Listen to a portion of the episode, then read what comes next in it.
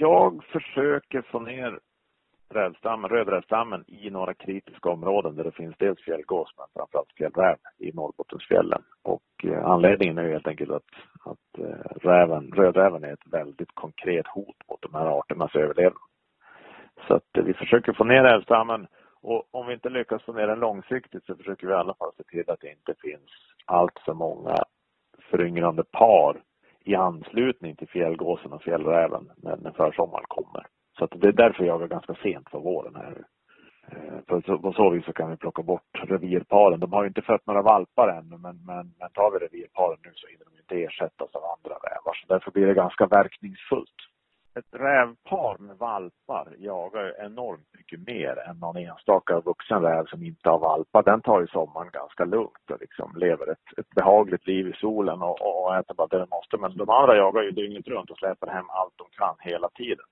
Och eh, problemet är uppenbarligen tillräckligt stort för att, för att eh, de här arterna hotas ganska akut av, av rödräven. Så att, eh, nu har väl fjällräven, där finns det väl andra eh, moment. De konkurrerar om blyer och de, de, de, de konkurrerar på andra sätt också. Det är inte så bara att rödrävar dödar fjällrävar hela tiden utan, utan eh, det finns det väl fler nyanser men, men i, i eh, fjällgåsens fall där är det ju ren predation förstås. Alltså där äter ju berättar ju rödrävar upp fjällgässen.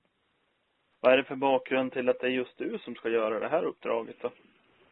Ja, det är ju förstås att jag har hållit på med, med lockjakt på räv väldigt länge och, eh, och får man väl säga utan att ta i allt för mycket kanske introducerat jaktformen lite grann i Sverige och ja, håller på mycket. Så att för ett par år sedan så blev jag, jag har ju varit nere i Västerbotten vid ett par tillfällen och utbildat naturbevakare och jagat med dem där nere. Och för ett par år sedan så fick jag förfrågan att göra det i Norrbotten också. Då utbildade vi 15 frivilliga som skulle försöka göra en liten insats mot rödräven på, på, på, på, på frivillig basis. Men utfallet blev ganska klent. Så när vi utvärderade det då, då, då lämnade jag som ett förslag istället att jag skulle få några givna tillstånd som var då framförallt att, att få färdas eh, med vapen på skoter utan, utan att begränsas av de normala begränsningarna som gäller där, för det är ganska många regler. Och och helt enkelt få röra mig fritt i de här markerna och använda lockjakten som, som, som metod. Då, då trodde jag jag skulle kunna få bättre resultat. Så det provade vi i fjol som ett litet försök och eh, det gick ju ganska bra. Så att eh,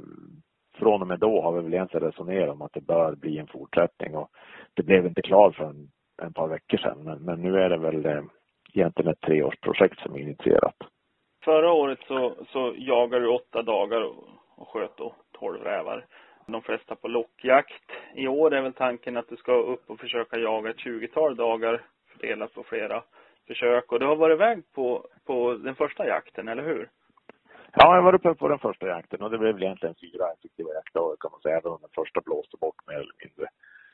Eh, och det blev fyra rävar, men, men eh, det är inte, jag är inte riktigt nöjd med det, men givet vädret så, så får man kanske vara det. Och sen så ser man det också det är alltid ett litet aber att åka upp i slutet på mars och jaga därför att då löper rävarna och de har väldigt litet till övers för, för bytesdjur. Så om jag sitter och härmar den döende haren när, när rävarna är mer intresserade av varandra, då får jag oftast ingen respons. Och eh, det gjorde att den här gången så låg jag ganska lågt med locket. Det är bättre att de inte lär sig vad det är för någonting, att det, att det är ett försåt. Utan det är bättre att de inte har hört det, så kommer jag tillbaka i april, för då brukar det funka bättre. Så nu åkte jag istället runt med kikarspanare och, och, och upptäckte de flesta rävarna i dagliga på, på dagarna på någon solsida där de låg.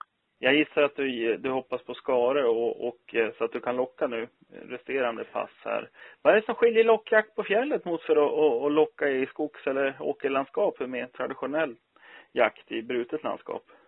Den största skillnaden som jag tror att man kanske skulle reagera mest på som, som jägare från en annan del av landet, det är hur pass vit räv det är. Alltså, jag såg de gamla siffror från Grimsö eh, här för när jag kollade lite grann och där, där spekulerade de, om jag inte minns fel, så sa man att ett mellansvenskt rödrävsrevir det är några hundra hektar och nere i Skåne kunde det vara ner till 20 hektar men i Kalfjället 2000 hektar. Och eh, det gör att eh, jag måste först och främst leta reda på att jag har rävarna. Alltså jag har tomma fläckar, jag har vita fläckar i, i fjällen där, jag, där det inte är någon, någon idé att sitta och locka. För det, det kan passera en räv, men det är oftast ingen räv hemma. Så först måste jag reka ganska mycket mer och sen måste jag ju också, i och med att jag förväntas göra ett ganska högt uttag i begränsade områden så kan jag inte tillåta mig att bli lurad av rävar på det sätt som man liksom normalt sett rycker på axlarna åt. Utan innan jag blåser den första tonen så måste jag ha en plan som, som, som går ut på att jag på något vis locka mig in. Oftast lockar jag mig in i områdena från ett ointressant område in i ett intressant område med några pass i snabb följd och givet då hur vindriktning och sånt ligger. Så att jag minimerar risken att jag någonsin ska få en räv i ryggen till exempel. Så det, det eh, jag skulle säga jämfört med normal lockjakt på räv så är det oerhört mycket rekande och oerhört mycket tänkande innan man väl sätter pipan i munnen här uppe. Det, det är lite skillnad.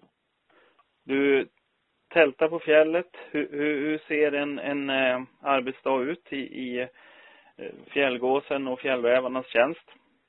Ja, i slutet förra säsongen, då i slutet på april, då hade dagarna blivit rätt långa. Så då kan man väl säga väckarklockan på två eller någonting och sen upp och så käka frukost och sen ut och locka ett antal pass och eh, med förflyttningar och så där så tar det mellan tre kvart och en timme per pass ungefär. Så det är väl ungefär vad man hinner på morgonen. Man hinner tre, fyra pass och sen kanske hemma då vid sjutiden och äter en liten frukost och sen så, så brukar jag åka några timmar skoter och, och, och reka nya områden, leta spår, eh, kolla lämpliga pass för nästa kväll eller nästa morgon och sen så brukar, så brukar jag åka hem och sova några timmar mitt på dagen och sen igång då på eftermiddagen och locka mot skymningen. Så att ramla hem, hem vid tältet vid, men någon gång mellan 10 och 11 kanske och så, så försöka äta något litet och även skriva ner en liten rapport. Det ska ju så rapporteras allting. Så att, eh, och sen sova ett par timmar och sen ut igen. Och eh, nu på, på, när jag var nu i slutet på mars, då blir det ju lite längre nätter så då var det väl lite lindrigare så. Men eh, eh, då fick jag sova några timmar till på nätterna. Men då hann jag å andra sidan inte sova något på dagarna för att i och med att jag upptäckte att det effektivaste var att leta räv i daglega så då, då, då kom jag väl ganska snabbt till slutsatsen att även om jag var uppe på morgnarna och for så, så var det viktigare att vara ute hela dagarna än att hålla på in till kvällen. Det är inget vanligt sju till fyra jobb du har då i alla fall? Nej, det blir inte åtta timmar om dagen. Det blir snarare så att det blir lite ont om tid att, och sova och, eh, och ingen tid att hålla på med någon avancerad matlagning. Så utan jag kör frystorkat och, och, och, bara värmer vatten och sen äter jag frystorkat och sen är middagen klar och sen åker jag vidare. För att eh, det är ju liksom tid, tid i fjället som ger resultat på ett vis.